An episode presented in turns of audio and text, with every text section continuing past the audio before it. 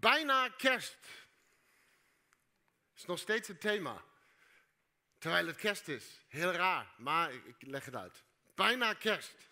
Altijd in verwachting. Dat is het thema wat ik heb bedacht zo voor dit jaar. Bijna kerst. Altijd in verwachting. En ik geloof dat, trouwens, ik vind het zo mooi dat wij in, wat is het, drie jaar?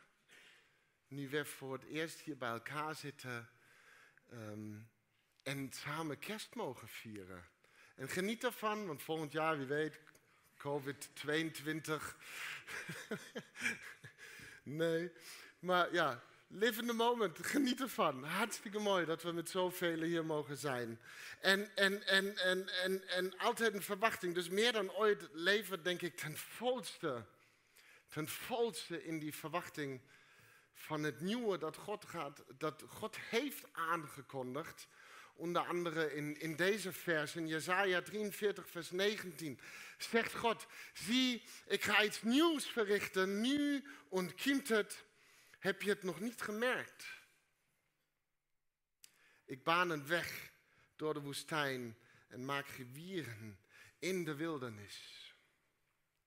Het, het Oude Testament staat vol van, van verwachtingen naar wat komen zal, zoals deze. Uh, uh, zo zijn er ook verschillende profetieën, uh, aankondigingen um, over de, de Messias. Er heerste deze diepe verwachting naar een Messias. Het woord Messias komt een aantal keren voor in het Oude Testament en, en verwijst voornamelijk naar, naar drie verschillende rollen in, in, uh, in, in, het, in het leven van het volk Israël. Zo verwijst Messias naar de rol van de priester. Degene die uh, uh, het offer doet voor de zonden van het volk. Dat is de eerste verwijzing, de priester. In de psalmen wordt vaak naar de Messias verwezen in de rol van de koning. De derde rol is, is die van de, van de profeet. Pas veel later, veel later werd Messias ook gelinkt aan de rol van een einde der tijden redder.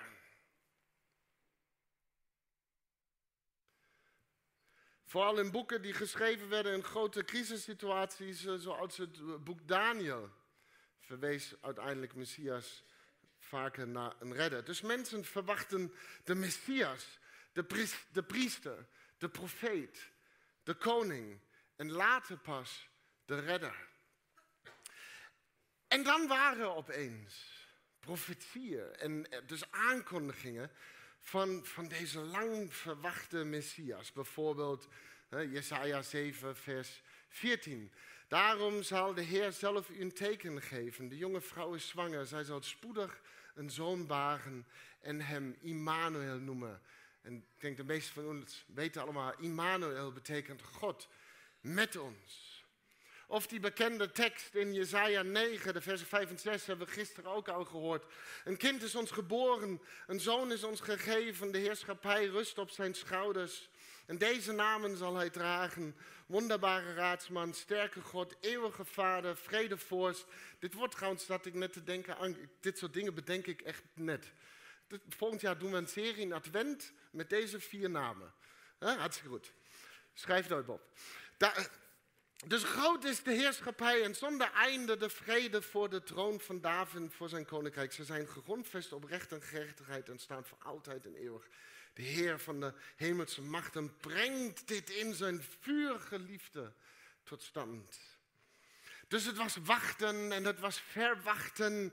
En in de adventstijd leven we ons in, in deze verwachting. We leven, we, we verwachten er als het ware naartoe. En dan was het zover. God ging daadwerkelijk iets nieuws beginnen. Het was, het was werkelijk God met ons. God stelde zich persoonlijk voor aan de mensheid. En dan lezen we dus in Matthäus 1, de versen 18 tot en 25. De afkomst van Jezus of de geboorte of hoe het tot stand is gekomen allemaal van Jezus Christus was als volgt. Toen zijn moeder Maria al was uitgehuwelijkd aan Jozef, maar nog niet bij hem woonde, bleek ze zwanger te zijn door de Heilige Geest. Haar man Jozef, die een rechtschappen mens was, uh, recht schapen of recht schappen? Schapen. Dus, heb je ook linkse schapen? Nee, oké. Dit was een rechtsschaap. Oké, mensen wilden haar niet in opspraak brengen en dacht erover haar in stilte te verstoten.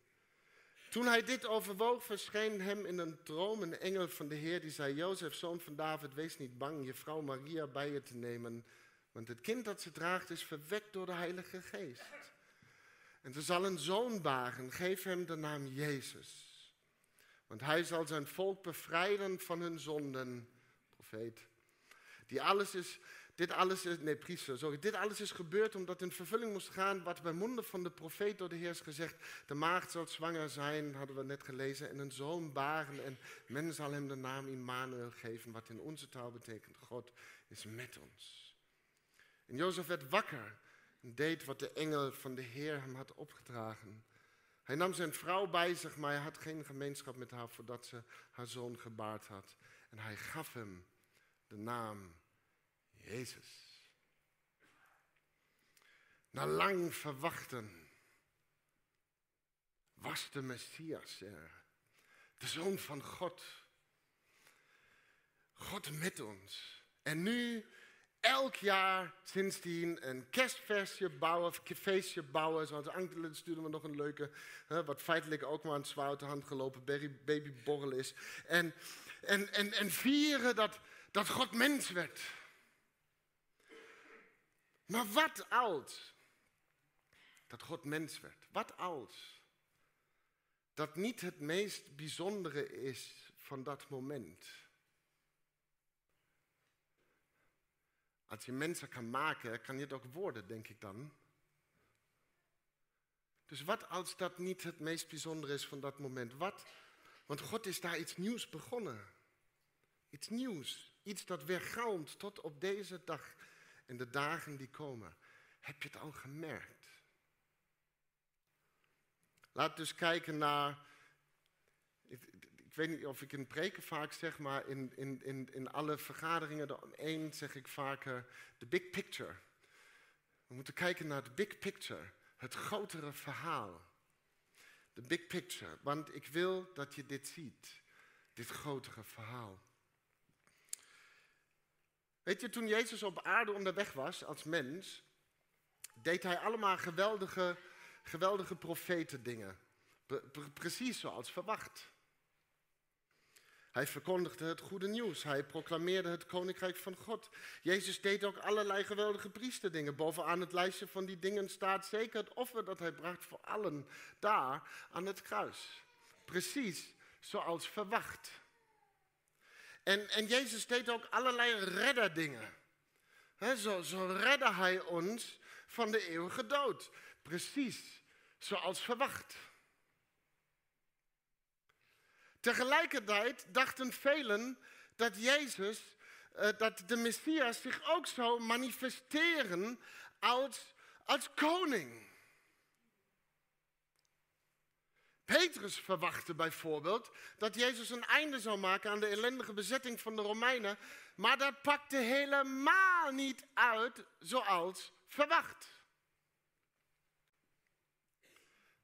En ja, wij, wij weten, hè, wij, wij weten dat wel. Dat, dat, dat Jezus de, de koning der koningen is. Hij, hij regeert in het koninkrijk van God. En dat, en dat koninkrijk is al in ons, zo zegt Jezus zelf.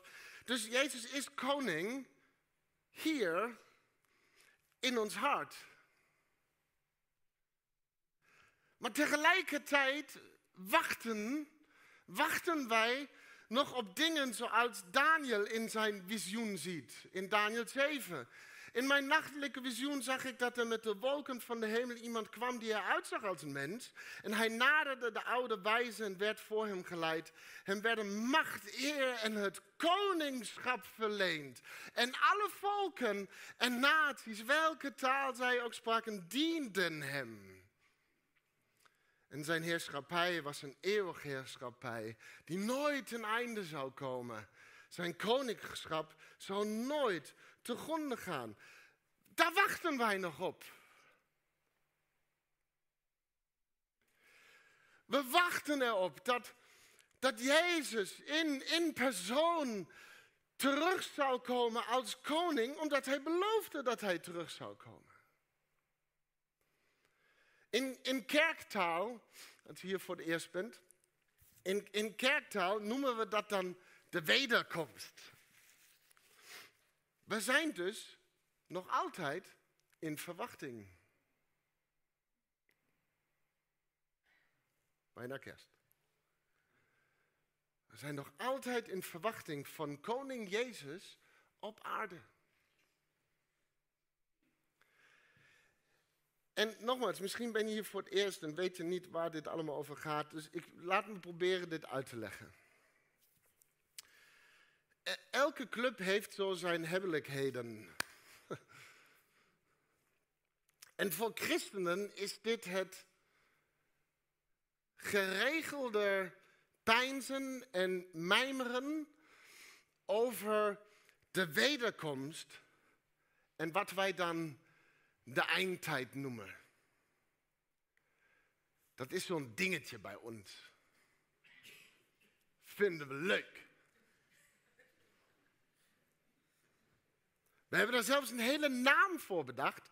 Eschatologie. De leer van de laatste dingen. En een van de grote vragen is altijd dan, wanneer is het zover? Wanneer is het zover? Wat is de tijdstip van de wederkomst? En de eindtijd? Vinden we leuk. En, en er zijn ontelbaar vele voorspellingen gedaan en, en, en niet uitgekomen. Ik heb een verhaal gehoord van mensen die heel dringend een nieuwe keuken nodig hadden, maar echt maanden, jaren met de oude rommel hebben geleefd, omdat ja, nee, binnenkort komt Jezus terug en op een gegeven moment hebben ze toch maar een nieuwe keuken genomen.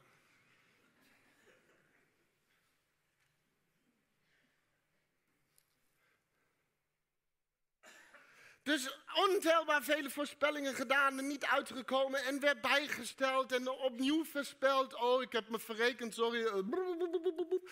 En, en, en in een gesprek over dit onderwerp eh, tussen Jezus en zijn leerlingen werd Jezus een keer gevraagd: Vertel ons, wanneer zal dat allemaal gebeuren en aan, welke teken, aan welk teken kunnen we uw komst en de voltooiing van deze wereld herkennen? Vraagteken.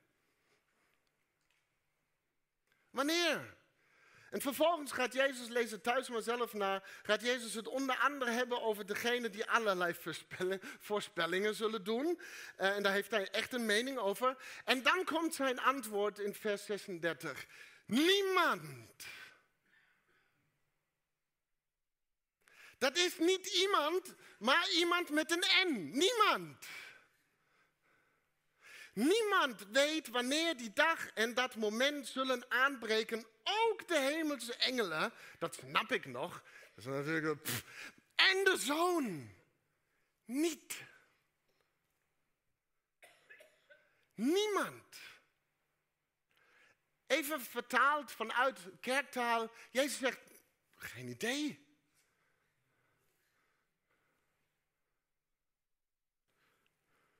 Alleen de Vader weet het.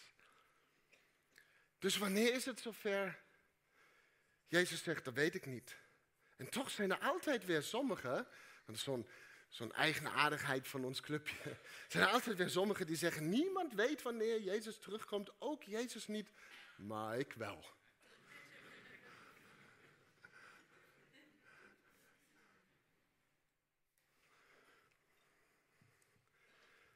Vinden we leuk. Houdt ons ook bezig. in, in, in de tussentijd, en dat vind ik kwalijk, in de tussentijd is er een, een hele angstcultuur om deze apocalyptische verwachting getimmerd. om, om mensen de noodzaak van het geloof in Jezus op te dringen. Met corona, en nu loopt wel uit, kreeg ik een flyer op mijn mat, en velen van jullie waarschijnlijk ook, met de vraag of je al je toegangsbewijs hebt naar de hemel. Want stel,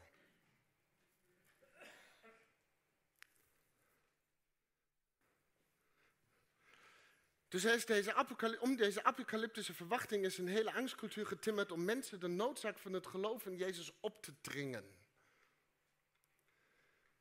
Want stel dat jij er niet klaar voor bent als hij dan terugkomt. Dat, dat zou heel slecht, heel, echt enorm slecht nieuws zijn voor je. Dan heb je echt een probleem. En vervolgens geloofden en geloven velen vooral in Jezus deels vanwege angst dat ze straks de boot zouden kunnen missen. Is dit het? Want stel, en die angst heeft velen echt helemaal in de greep. Is dit het? Is, is dat het dan? Is dit een teken? Komt het einde der tijden aan? Hoe weet ik dat? Weet jij het? Heb ik alles op een rijtje? Wat moet ik doen? Wat moet ik niet doen? Wat zijn de regels? Help!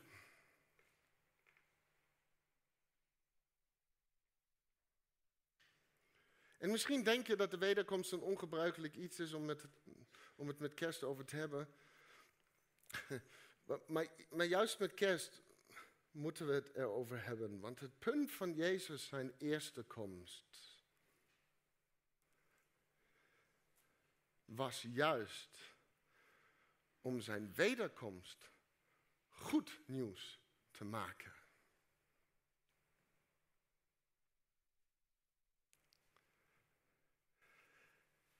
Het is dus dit grotere verhaal dat wij moeten zien.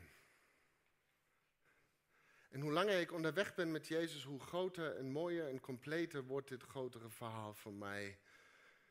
Dus nu wordt het misschien ingewikkeld, want dit is wat ik geloof over de wederkomst van Jezus. En ik, misschien haak je af, blijf alsjeblieft aan de lijn, het is echt goed nieuws. Hier is wat ik geloof over de wederkomst van Jezus. En dat heb je mij ook al een keer horen zeggen, maar nog een keer. Ik geloof dat de wederkomst van Jezus al meer dan 2000 jaar aan de gang is.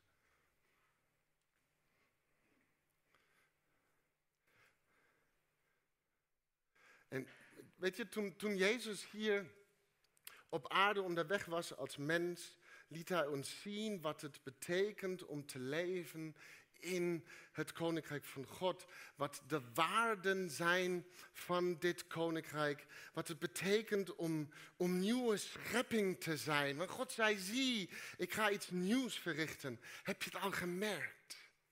En, en Jezus kwam en liet zien hoe je het zal merken. Hoe je, hoe je nieuwe schepping bent en mag worden en wie je werkelijk bent in Hem. En niet alleen dat, maar Jezus liet zien hoe je zelf nieuwe schepping overal om je heen zal creëren. Eh, maar, maar er is nog meer. Het koninkrijk van God is dus al in ons, zei Jezus. We bouwen het dus niet, maar wij onthullen het. Jezus zei dus, kijk, dit is hoe het eruit zal zien. Volg mij. En ik laat je nog veel meer zien. Dit is wat je kan doen. Dit is wat jij kunt zijn. Dit is wat het allemaal kan zijn. En jullie zullen het steeds meer creëren, want je bent gemaakt in het evenbeeld van een schepper. Iemand zo creatief dat hij in ons het vermogen heeft gelegd om ons altijd een betere wereld voor te stellen en die dan ook te creëren.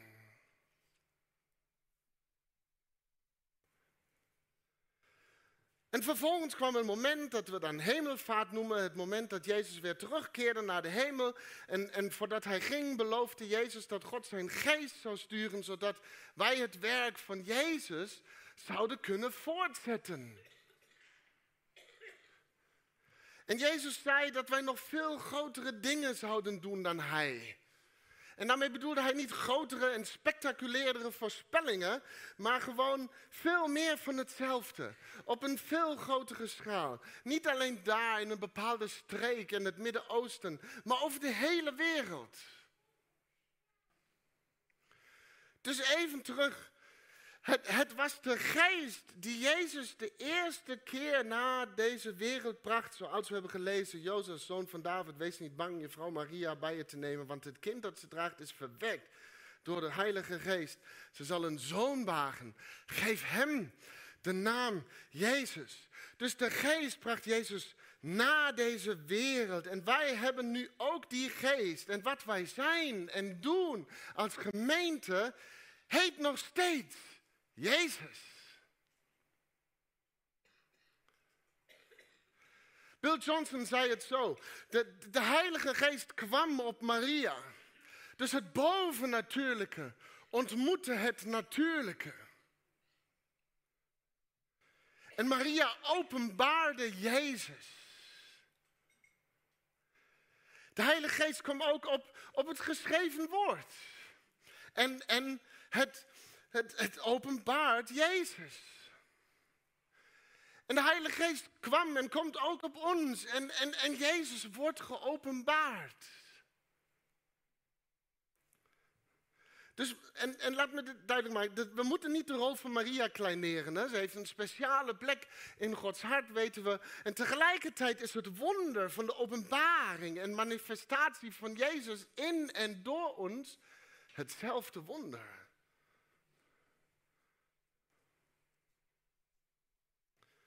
Het is de geest van God die op het natuurlijke komt om het bovennatuurlijke te openbaren en te manifesteren. Met de geest in ons zijn wij, manifesteren wij Jezus in deze wereld. Dus Paulus spreekt in 1 Corinthians 12 dan ook over de kerk, de gemeenschap van gelovigen, als het lichaam van Christus. Alsof het het normaalste van de wereld is. Want in zijn hele wezen weet hij het gewoon niet anders dan dat de kerk het lichaam, het lichaam van Christus is. De kerk is Jezus in deze wereld. En de kerk is overal. En de kerk groeit. Misschien niet meer zo hard in dit deel van de wereld, omdat we met andere superbelangrijke dingen bezig zijn. Maar over het hele aardbolletje verdeeld, groeit de kerk. Groeit het lichaam van Christus. Dagelijks. Wat, wat mij betreft is dus de wederkomst continu aan de gang en groeit. De geest in ons doet het nog steeds en brengt en openbaart en, en manifesteert Jezus in deze wereld. Snappen we het? Ja, Jezus steeds meer aanwezig. Ik zal iets nieuws verrichten. Heb je het al gemerkt? Steeds meer nieuwe schepping. En yes, straks komt Jezus in persoon terug en hij komt terug om ons een handje te helpen met het vernieuwen. Met het vernieuwen. Want, want deze aarde wordt niet weggegooid. Dat is ook zo'n misinterpretatie van bepaalde eindtijdvisioenen uit allerlei flyers, uit het boek Openbaring. Maar deze aarde wordt vernieuwd. En ze wordt het toneel voor het nieuwe Jeruzalem dat neerdaalt. Het volmaakte koninkrijk van God met Jezus als koning. Ik zal iets nieuws verrichten. Heb je het al gemerkt? Ooit zal Daniels visioen uitkomen en Jezus zal terugkomen als koning over alles dat vernieuwd is door de geest in ons. En eh, als koning over een voltooide nieuwe schepping. We zijn dus nog altijd in verwachting. En ooit zal dit moment komen dat, dat Johannes in zijn visioen ziet, openbaring 21, Gods woonplaats is onder de mensen. Het is een teken dat dit een goed verhaal is. Alles wat plinkt, zet gewoon uit. Kun je die knipperlichtjes uitdoen? Dankjewel. Gods woonplaats is onder de mensen en hij zal bij hen wonen. Zij zullen zijn volken zijn en God zelf zal als hun God bij hen zijn. en het begon allemaal daar, in een stal. Waar Jezus in deze wereld werd geboren. Het was niet alleen een vervulling van profetieën, maar een begin van iets nieuws. En het stopte niet aan het kruis. Het stopte niet met hemelvaart. De geest in ons zet het werk voort en geef het maar de naam Jezus.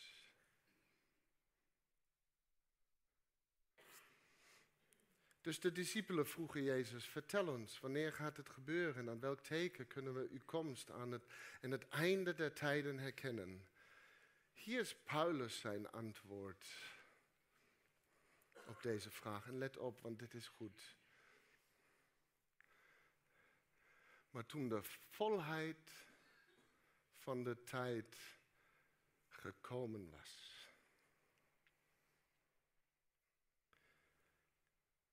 Zond God zijn zoon geboren uit een vrouw. Het is daar al gebeurd.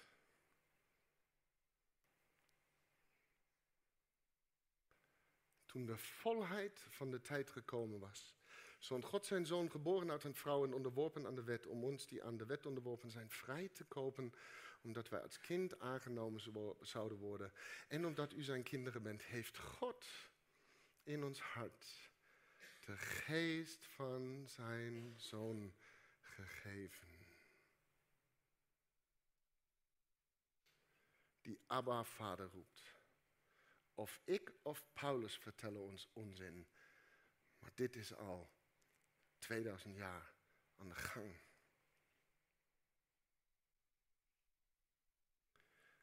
U bent nu dus geen slaven meer, maar kinderen.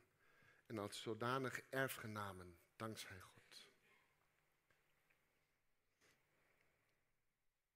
Waar je nog op wacht. Is al gebeurd.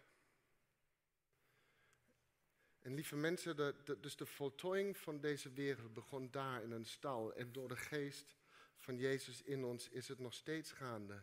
De wederkomst van Jezus, al meer dan 2000 jaar aan de gang. En misschien wil je een teken. Nou, dit zal voor jullie het teken zijn. Jullie zullen een pasgeboren kind vinden dat in doeken gewikkeld in een voederbak ligt. En u bent geen slaven meer, zegt Paulus. U bent geen slaven meer. Dit is belangrijk. Paulus zegt in Romeinen 8, vers 15: U hebt de geest niet ontvangen. Luister goed. Heel goed. U hebt de geest niet ontvangen om opnieuw dat is niet waar we nieuwe dingen mee gaan doen. Je hebt de geest niet ontvangen om opnieuw als slaven in angst te leven.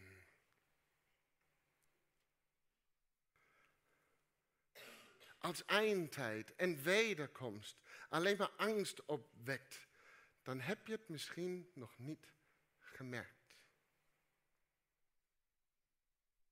Dat hij iets nieuws gaat verrichten. Want altijd in verwachting van steeds meer Jezus in deze wereld. Een wederkomst is goed nieuws. Het is goed nieuws. En hier is waarom. Ik weet niet of jullie dit wisten. Maar ik hou enorm van kerst.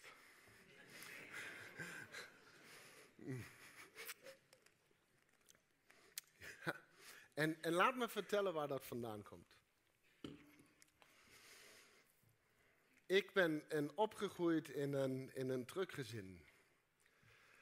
Mijn, mijn vader werkte veel en mijn moeder moest ook veel doen. En volgens mij vertel ik ons niets geks. En velen herkennen het drukke leven, toch? Ja. Sommigen druk met werk, sommigen druk met kerk, sommigen druk met gebrokenheid, sommigen druk met hobby's en vrienden. Dus druk zijn was ook bij ons thuis het thema. En ik ben opgegroeid in een predikantengezin. En daardoor ook nog altijd de druk, vaak om het perfecte gezinnetje te zijn voor de zelfbenoemde predikantengezin politie. We hebben daar ook een paar agenten hier. ja. En uh, dus er waren ook veel spanningen. Er waren ook veel spanningen, druk en stress en werk en dan ook nog de verwachtingen vanuit de gemeente. Maar weet je, met, met kerst was de wereld oké.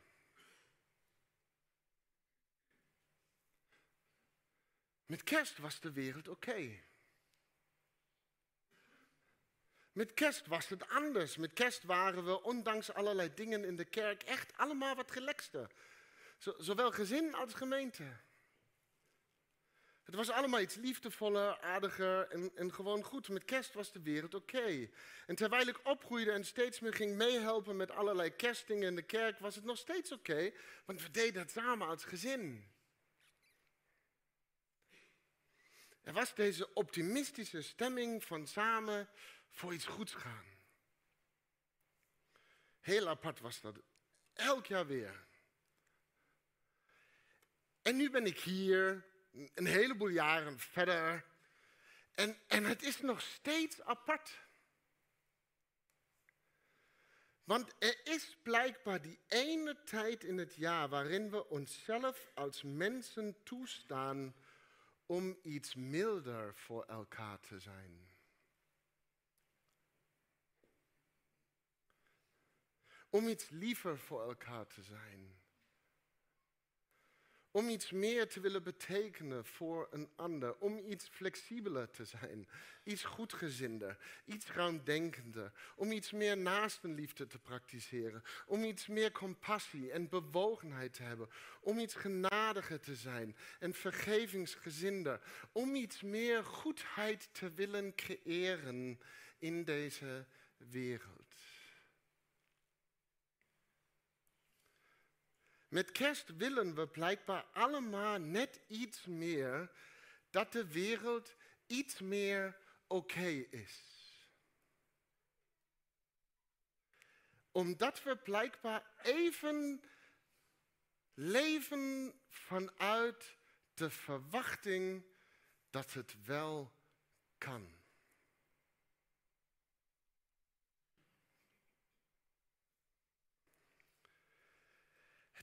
Het is toch apart dat we blijkbaar in die ene tijd van het jaar een, een kijkje krijgen hoe, hoe meer wederkomst, meer Jezus in deze wereld eruit zou kunnen zien.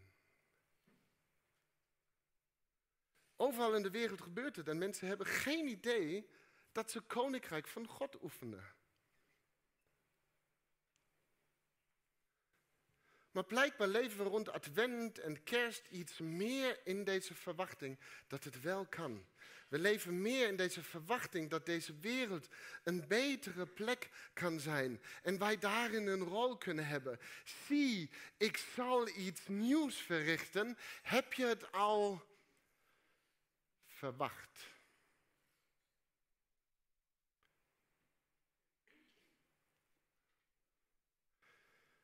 Met advent en kerst verwachten we blijkbaar altijd iets meer.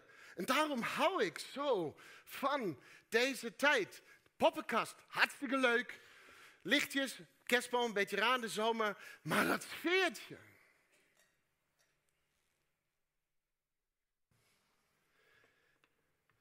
Het geeft mij hoop omdat we het wel kunnen. Het, het is blijkbaar de verwachting in het toeleven naar kerst. Jezus zijn komst naar deze wereld, die het creëert. Deze verwachting creëert. En het is de verwachting naar steeds meer Jezus in deze wereld die het goede en nieuwe verder zal creëren. We zijn dus altijd, altijd in verwachting. Dus dit kleine verhaal van een klein kindje geboren in een gewoon gezin is, is wat onze aandacht heeft vandaag. Maar het is de big picture. Het grotere verhaal dat we vieren. Het, het, verhaal van een groeiende wederkomst. En elke dag belichamen we deze verwachting. En, en dat creëert goedheid in deze wereld. En als we altijd leven in deze verwachting dat de wederkomst groeiende is, dan zullen we het goede steeds meer gecreëerd zien worden in deze wereld. Dit is goed nieuws. En het is de verwachting die het creëert. Dus je kan je ook heel druk maken over de eindtijd en bang zijn dat je de boot zou kunnen missen. En weet je, dat dan creëert deze verwachting ook iets. Het creëert benauwdheid, een wettisch geloof, genadeloze systemen, angst en fundamentalisme, schreeuwen, stilstand en een valse hoop, omdat het eigenlijk ten diepste slecht nieuws is. En elke generatie hoopt dan maar dat Jezus terugkomt in hun tijd, zodat de angst eindelijk een einde heeft, terwijl ze hun uiterste best doen om niet te falen als gelovigen. Dat is gewoon slecht nieuws.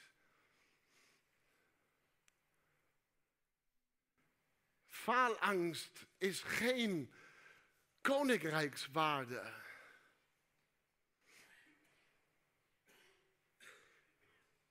En ik snap het, lieve mensen.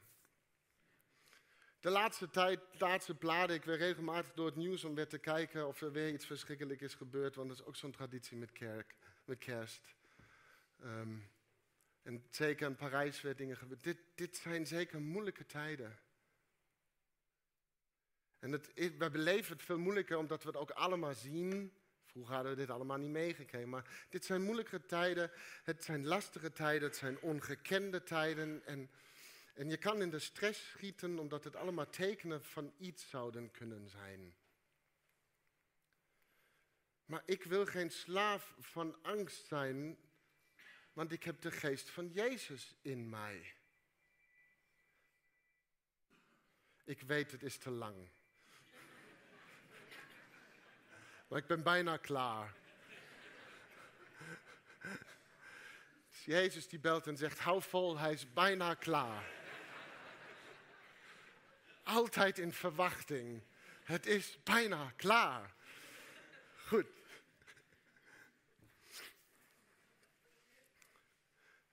Het zouden allemaal tekenen kunnen zijn.